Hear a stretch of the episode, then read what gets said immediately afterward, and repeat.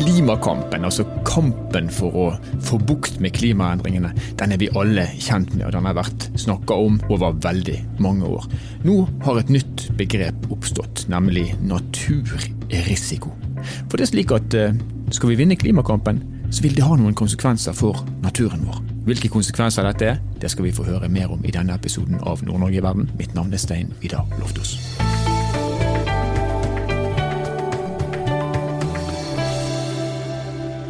Klimaomstillingen, altså kampen for å få klimaet i balanse, den krever paradoksalt nok arealendringer, som igjen legger press på naturen. Hvilke konsekvenser får egentlig den grønne omstillingen for naturen i Nord-Norge? Det skal vi snakke litt om nå.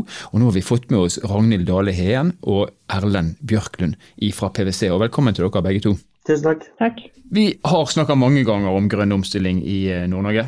Ragnhild, du har vært gjest hos oss tidligere også. Men eh, når man snakker om grønne industriprosjekter i landsdelen vår, har dere noen eksempler på det? Eh, ja, eh, eksempler på denne prosjektet innen grønn industriutvikling er f.eks. hydrogen, som det satses på i både Berlevåg, Mo i Rana og Mosjøen. Andre eksempler er jo grønne datasenter eller batteriproduksjon, for å nevne noen. Og Det er jo ingen tvil om at det skjer veldig mye spennende innenfor grønn industriutvikling i landsdelen. Og Nå har dere skrevet en artikkel om eh, grønn omstilling og om hvilke konsekvenser det har for naturen i landsdelen vår i Nord-Norge. Og Her bringer dere inn et begrep som i hvert fall er ganske nytt for meg, nemlig naturrisiko. Hva er naturrisiko for noe? Ja, det er nok riktig at naturrisiko er et veldig nytt begrep for folk flest. Men eh, vi kan jo først og fremst starte med å bare si at Eh, naturen har en enorm verdi. Eh, og nå snakker jeg ikke bare om den iboende verdien for naturens skyld, men, men en enorm økonomisk verdi. Så eh, Det kommer da i form av såkalt økosystemtjenester. Og, og det er jo alltid fra pollinering, eh, slik at vi kan høste eh, mat. Eh, rensing av vann, sånn at vi kan alle på en måte ha rent vann. Og også klart havstrømmer og sirkulering av næring til fisk osv. Og, og den estimerte Eh, verdien der er jo da eh, oppimot 29 billioner dollar per år. Og det er et enormt stort tall, som tilsvarer ca. 22 oljefond. Så det vil da si at verdensøkonomien får rett og slett 22 oljefond gratis hvert eneste år. Og det bruker vi for å skape økonomiske produkter eller tjenester.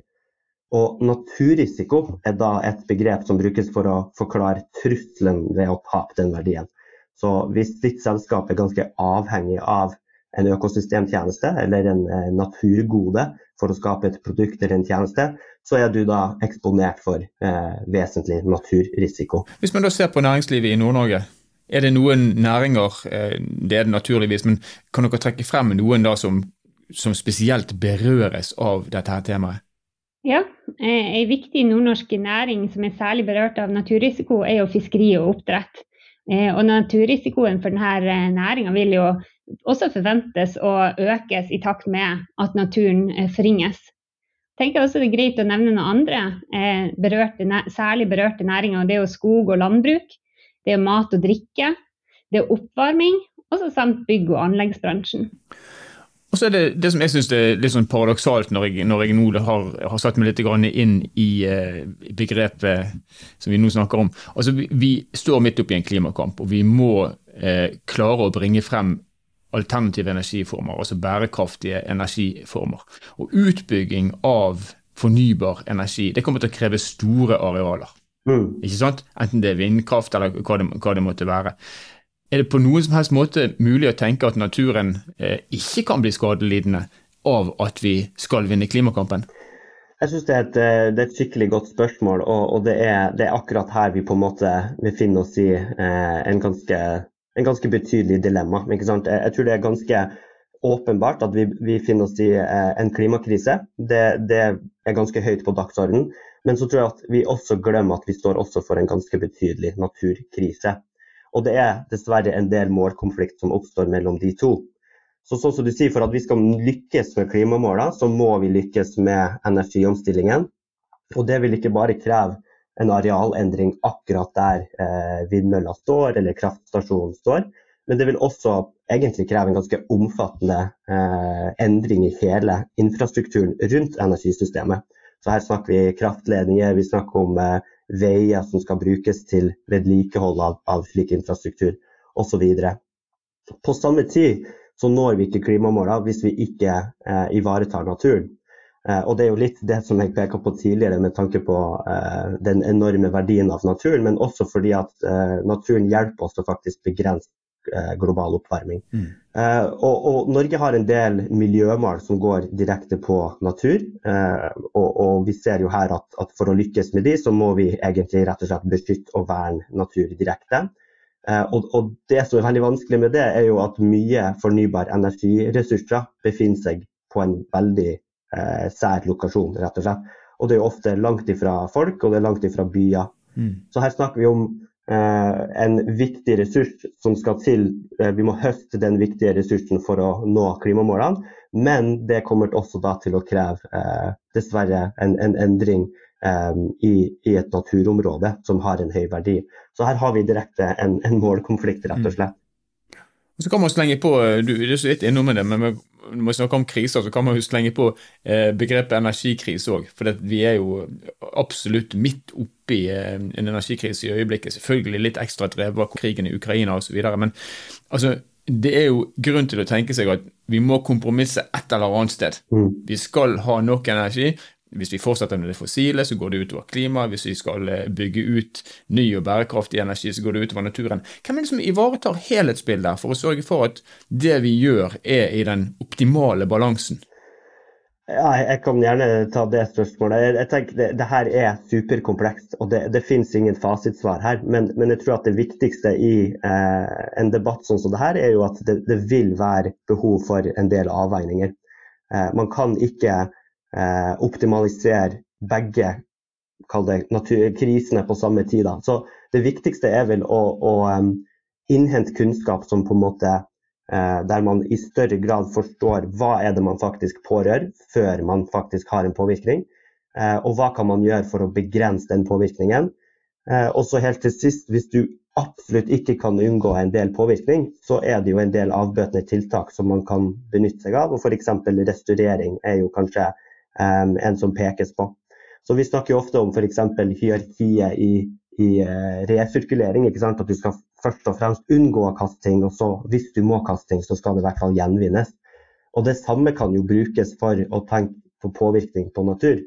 At man skal helst prøve å unngå, men hvis man absolutt må, så kan man gå litt lenger ned i hierarkiet og, og da restaurere naturen slik at den den eh, bevarer den naturverdien den, den, på en måte har. Så det er andre, andre ting i denne artikkelen som eh, i hvert fall jeg selv finner veldig interessant. altså Klimakrisen, energikrisen og alt det der. Det er jo de, de store og, og, veldig sånn altoppslukende spørsmålene i øyeblikket. Men blant annet så slås det fast at eh, eh, hvis man måler etter biomasse, så er altså ville dyr de utgjør i dag bare 4 av den totale biomassen på jorden, mens menneskene og husdyrene deres da står for nesten alt. Det er jo litt sånn skremmende tall uten at man nødvendigvis har noe forhold til det.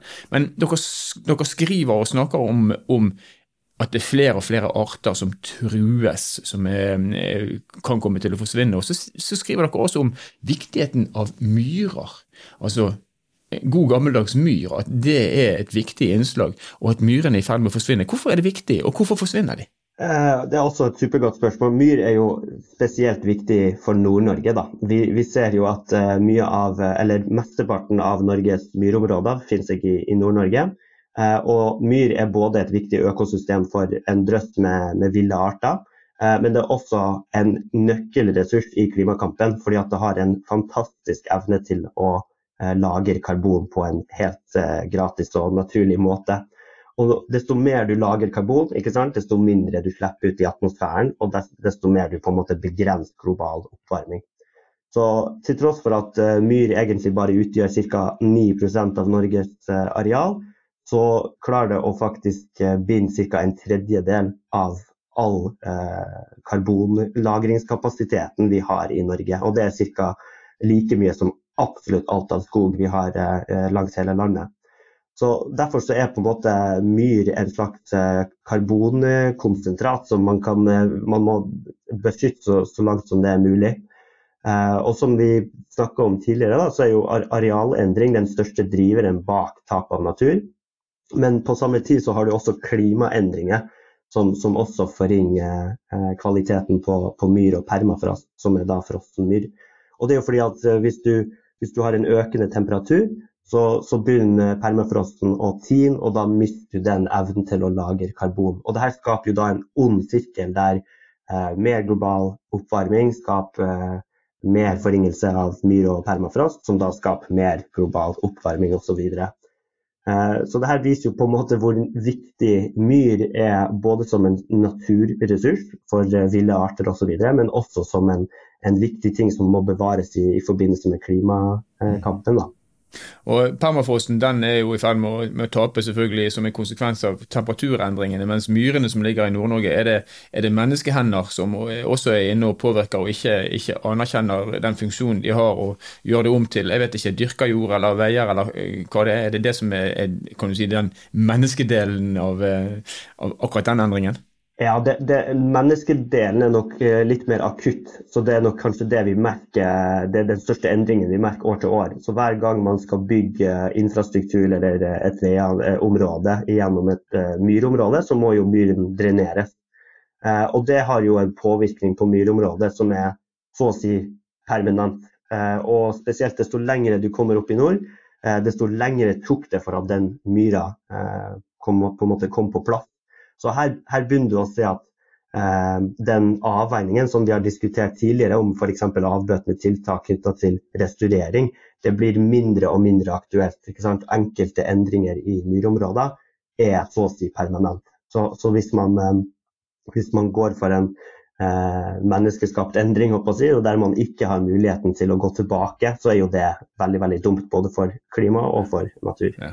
Og du er inne på det, altså Man kan restaurere med å plante skog f.eks. Det tar ikke så innmari lang tid å, å, å, få en skog til å vokse, men det tar fryktelig lang tid å etablere en myr hvis man kan eh, overhodet etablere en myr.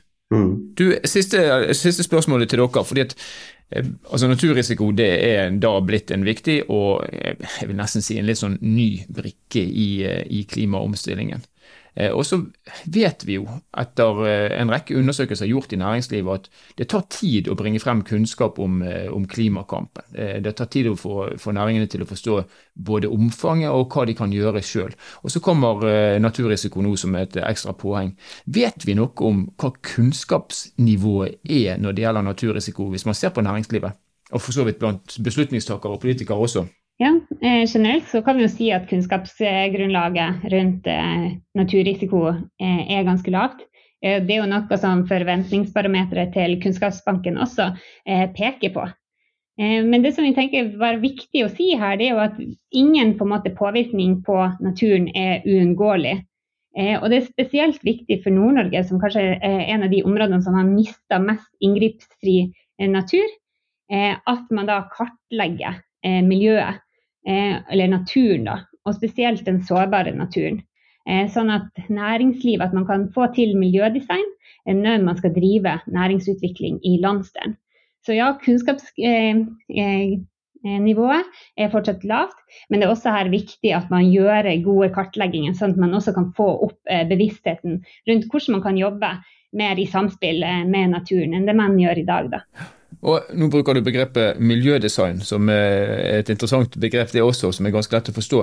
Og Da tenker jeg umiddelbart at der har kanskje det offentlige et ekstra tungt ansvar for å sørge for at næringslivet gjør det de skal, gjennom å gi, gi løyver osv. Kan du si noe om kunnskapsnivået i det offentlige? Ja, Det blir veldig vanskelig. Det, det, er i hvert fall ikke mitt primære fagfelt. Si, men jeg, jeg, opplever at en stor del her, sånn som Ragnhild peker på, er mangel på kartlegging. Men, men det andre ting jeg kan tenke å, å, legge til her, er at vi mangler også en slags, eh, et felles språk når vi snakker om natur. Så Vi starta jo podkasten med å snakke om hva er naturrisiko. Dette er et splitter nytt begrep som vi må rett og slett bli vant med å bruke i større grad vi må, vi må, alle være litt uh, mer på samme bane når vi snakker om eh, hva er en økosystemtjeneste, hva er naturrisiko, hvorfor er jeg uh, avhengig av slike tjenester osv. Det hjelper på en måte å, å, løfte den generelle kunnskapen. Eh, og da forhåpentligvis også eh, får i gang eh, gode løsninger både på det private og det offentlige. Naturrisiko er et ganske nytt begrep, men vi kan slå fast at det er uhyre viktig. Det er kommet for å bli. Tusen takk for at dere kunne være med og opplyse oss, Ragnhild Dale Heen og Erlend Bjørklund fra PwC. Takk for oss. Takk. Så selv om det er kampen mot klimaendringene som har preget oss mest de siste årene, som kommer til å gjøre det i tiden fremover, så skal vi ikke glemme at det pågår òg en utarmingskrig mot naturen vår. Og naturen den må spille på lag med oss hvis vi skal gjøre noe med klimakrisen også. Så når vi nå skal eh, gå løs på energikrisen og bringe frem ny og bærekraftig eh, energi til verden, så må det gjøres jeg holdt på å si, i samarbeid med naturen. Ellers så kommer vi til å løse ett problem, men plutselig stå midt opp i et annet. Jeg anbefaler alle å lese denne rapporten. Den er interessant, den er lettlest, og den gir en god del aha-opplevelser. Det må tas grep, ikke bare når det gjelder klima, men også når det gjelder natur. Nord-Norge i verden er en podkastserie som er produsert av Sparebank1 Nord-Norge i samarbeid med Helt Digital. Musikken du har hørt er laga av Emil Karlsen. Mitt navn er Stein Vidar Loftaas. Vi høres igjen i neste episode.